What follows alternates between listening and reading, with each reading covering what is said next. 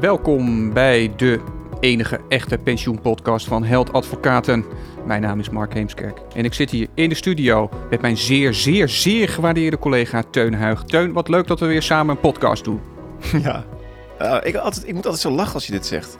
Vind ik heel irritant. ja, dus jij moet lachen om iets wat irritant is? Nee, maar dan luister ik het terug en dan denk ik, wat zit je nou altijd stom te lachen? Maar dat komt omdat jij dan, omdat je vertelde dat als jij toen jij 12 jaar was of 11 jaar was, dat je dan altijd radiootje speelde. Toch? Oké. Dit gaan we eruit knippen, toch? Nee. nee? Oké, nou gaan we door.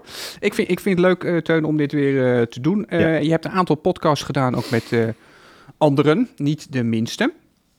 Maar we gaan het vandaag hebben over GSFS. En dat is een ware saga aan het worden, omdat er, nou, we zijn geloof ik gestopt met tellen ja, bij, bij 15 van die uitspraken. Ja, wel leuk. En je ziet dan toch dat het blijkbaar loont als je gewoon vasthoudend bent en maar blijft procederen. Ja, dat, daar hadden we het eerder vandaag over. Dat is dan maar de vraag. Maar ja, het, het is voor ons wel um, in, in pensioenland, het brave, gesapige pensioenland, wel een hele andere aanpak dan we gewend zijn. Zo enorm ja. procederen ja. als dit. Ja, moeten we het fonds noemen? Pensioenfonds?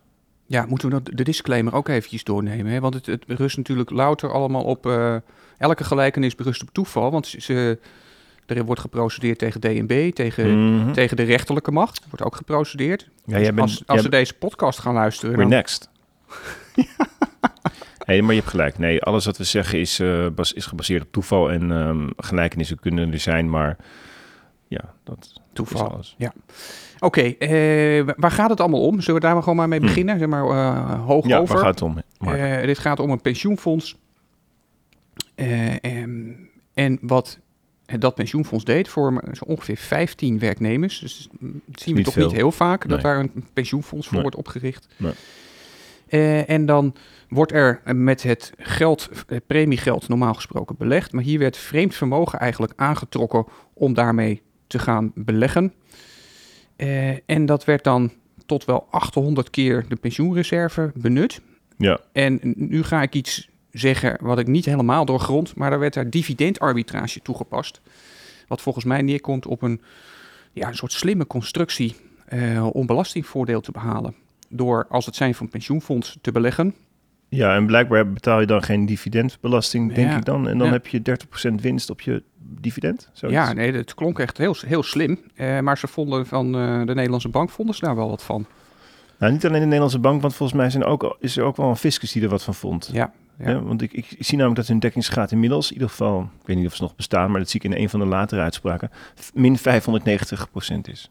Ja, Zou het, het gaat, het gaat met die claims. alle kanten op, want er wordt uh, geprocedeerd door uh, de Nederlandse bank zijn instantie, je bent helemaal geen pensioenfonds. Die, die dus werden ze geschrapt.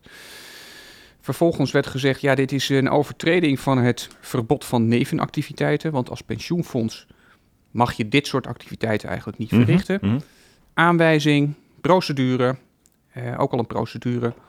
Daarna nog over de boetes die zijn opgelegd. Kortom, uh, bijna te veel om te bespreken. Nou, Wat zullen we daar eens uitpikken? Ja, nou, ik zou toch dat, dat nog even willen, willen verduidelijken.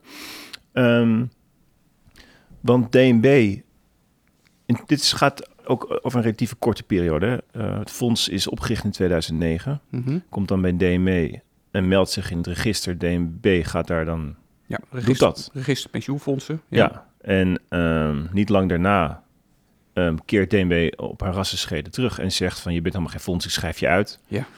En um, voel ik wel wat voor. Ik persoonlijk, ik denk ja, ik vind het ook. Uh, ja, ik weet niet. Ja, weet je, je zegt 800 keer, wat is 800 keer toch? De, de, wat ja. ze aan premies binnenkregen, belegden ze. Ja. Terwijl die toch, dat zullen we zo ook wel merken, de core business van een fonds, het beleggen van in, in zeg maar, ontvangen premies is. Ja. Ja. En, en dit lijkt gewoon een soort investeringsvehikel met vreemd vermogen te zijn. Um, en op een gegeven moment zelfs miljarden, enkele miljarden uh, belegd vermogen had. He, dat is ter vergelijking, dat was het, zeg maar, het hoofddoel van de afgelopen jaren van mm -hmm. algemeen pensioenfonds om te, ha om te halen. Yeah. Want dan zouden ze levensvatbaar zijn. Dat is gewoon enorm ja. voor 15 werknemers. Ja, en dan gaat DNB, um, dat die, zeg, geeft die aanwijzing. En die zegt van, um, um, ja, dit is, uh, dit is, dit is een, zeg maar geen nevenactiviteit. Dit is gewoon een verboden activiteit voor een pensioenfonds. Uh, en uh, geeft een boete. Ehm, en ehm, het fonds die protesteert ook tegen DNB omdat ehm, ze vinden dat DNB ehm, dus ten onrechte ehm, die had uitgeschreven. Maar eh, ook later, meer recent, omdat DNB, dat is trouwens dit, dit jaar, een mail had gestuurd aan een, een Ja. derde Smeuig, Ja. smeuig hoor. o- over een uitspraak. En, en, en, en, eh, het gaat over een Zuid-Afrikaanse investeerder. Dus ook daar is Ja. iets gaande. En dan krijgt DNB, eh, eh, werd op haar vingers getikt door, eh, door de rechtbank. Eh, die had die, die mail met die inhoud niet mogen versturen. Ja, ik vond, ik vond het wel smeuig om te lezen, Teun. Dat je- ik weet niet hoe het jou vergaat, maar meestal krijg je natuurlijk als je DNB zegt van we willen meer informatie hebben, krijg je zo'n antwoord terug in de categorie wij gaan niet over individuele zaken. Merkwaardig, hè? Eh, we doen helemaal niks. eh, we wensen u verder een fijne dag. Maar dan iets netter opgeschreven. En hier werd natuurlijk wel eh, een navraag gedaan vanuit die Zuid-Afrikaanse stichting. Waar trouwens ook een procedure schijnt te lopen. Hmm. Hmm. Eh, van goh, wij zijn wel geïnteresseerd. We hebben begrepen dat er een uitspraak is. en een van de bestuursleden of raad van toezichtleden. Eh, ja, die is daarbij betrokken. Kunt u iets meer duidelijk, duidelijkheid geven? En daar is toch. Nou, die, die duidelijkheid is, is wel gekomen. Ja, Eh, ik, ik, ik, het klopt wat je zegt. Want als ik een mail stuur, je herkent het. Misschien, Ja. Ik dacht, misschien ligt het aan mij. Ik krijg inderdaad altijd gewoon die one-liner terug van... we gaan niet in op inhoudelijke zaken. Maar deze DNB-medewerker, die had er... Ja, die, die had er wel oren naar om een Ja. beetje... Het was ook niet heel... Ik moet eerlijk zeggen, het was ook niet heel... Het was geen vies, filijn mailtje of zo. Nee, nee, dit was. eh de gedeeltelijk is natuurlijk openbare informatie. Als, Mhm. Zeker als een uitspraak is. Dus dan, ja, als je dan verwijst, er is een uitspraak Mhm. gedaan en dit stond erin. eh, dan valt dat onder de openbaarheid. Maar er stond een paar bewoordingen in. En dan zie je ook de afweging van de rechter in die zaak. Die zegt van Mhm. ja, ja, je moet, dat, dat had je niet moeten doen. Mhm, Eh, want dat is een soort duiding. En daar ga je over het randje heen.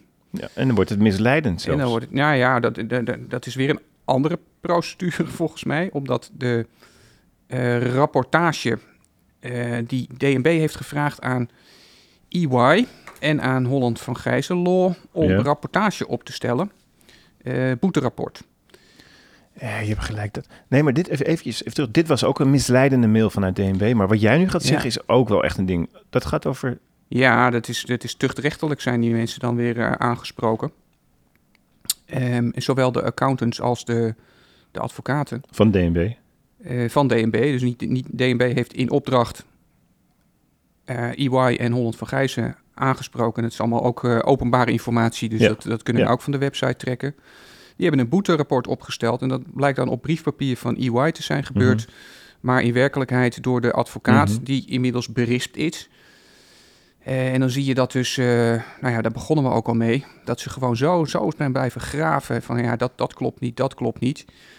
Het fonds is, Dat- is gaan graven. Ja, ze zijn zo, ja, precies. In op, Ja. de- dat fonds heeft zo diep lopen graven dat ze toch wel boven water hebben gekregen. Ja. Van je denkt, hé, hey, Ja, want we hebben ook een... ehm, nog even over de conclusie uit dat persbericht wat je voor je Ja, hebt. Dat waren ook wel krachttermen, hè? ja, misleidend. Nou, Ook. dat is wel, eh, wel heftig. Ja. Onzorgvuldig, suggestief, tendentieus en misleidend, vond het Hof van Discipline het rapport op onderdelen.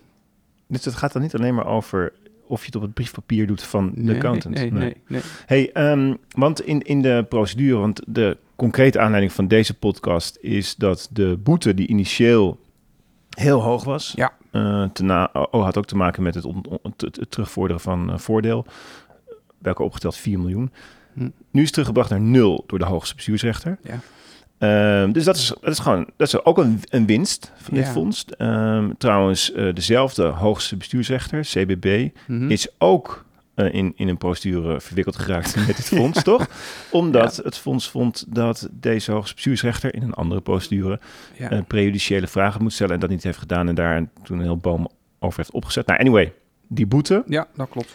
En volgens mij in de context van die boete moest worden berekend wat eh, het voordeel was en, en daarvoor hebben ze die advocaat Ja, En, ja eh, prachtig dat je, dat je die verbinding legt. Eh, en in het persbericht op rechtspraak.nl van eh, 26 oktober, Ja. daar staat inderdaad als kop boetes geschrapt.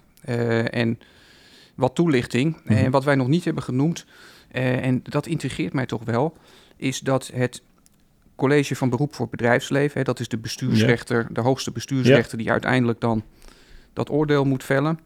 Ja, die concludeert dan dat zowel eh, het pensioenfonds, maar ook die bestuurders ehm, in die periode bij oprichting, dus zo rond eh, 2010, 2014, dat het niet voorzienbaar was dat die beleggingsactiviteiten waar we mee starten, Mhm, hè, mhm. die dividendarbitrage, in strijd waren met het verbod op nevenactiviteiten. Eh, dat was toch wel een, een klein beetje een, een Nee. verrassing. Ja, ja, ja, ja nee, ik, ik, voor mij ja, absoluut. Ik vind ook wel als ik lees eh, wat de motiveringen van de, C, het, de Het. CBB is, Ja. dan, dan, dan, dan, dan zegt, zegt het eigenlijk van, ja, DNB, jij zegt wel dat het ehm, destijds evident duidelijk geen toegestaan activiteit is. Maar zo evident duidelijk is het niet, want jij hebt dit fonds initieel in het begin, in 2009, Mhm. Ingeschreven in het pensioenregister. Terwijl je Ja, de document- ja. documenten had gehad. Er zijn gespreksnotulen en andere verslagen waaruit blijkt wat ze van plan waren te gaan doen. Ja. Of je er nou overheen hebt gelezen of niet. Je hebt ze ingeschreven. Dus zo evident duidelijk is het ook weer niet. Vinden wij gek, toch? Ja, ik vind, ik, ja dat vind ik gek. Ja, want Ja. volgens mij kan je heel goed eh, in je toezicht eh, je focussen op eh, alleen maar de pensioenreglementen en de statuten vanuit een nou, wat meer governance Mhm. perspectief. En dat beleggingsbeleid later op de korrel pas krijgen. Ja. Vind Ja, ik anders, anders, anders krijg je van die argumenten van ja, je hebt het ooit een keer niet opgemerkt, DNB, en, en dus eh, mag je er niet meer op terugkomen. ja, dat- Kijk, kijk maar in, eh, dat, dat vindt het CBB ook. En nog één ding, want ze hebben eerder ehm, wilden ze ook een aanwijzing eh, van tafel krijgen. Ja.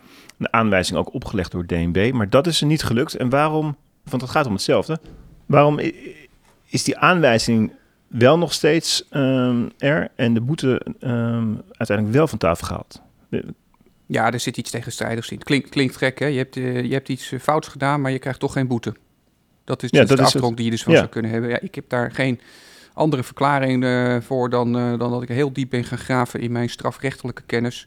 En volgens mij is het wel mogelijk om iemand schuldig te verklaren, maar dan uiteindelijk geen straf op te leggen. Een 9a strafvordering als dat nog steeds zo, zo luidt. Dus dat is de enige verklaring, Teun, die, die ik kan bedenken. Dat, ik- dat je dus uiteindelijk toch een aanwijzing hebt gekregen die rechtsgeldig is, maar geen boete krijgt opgelegd.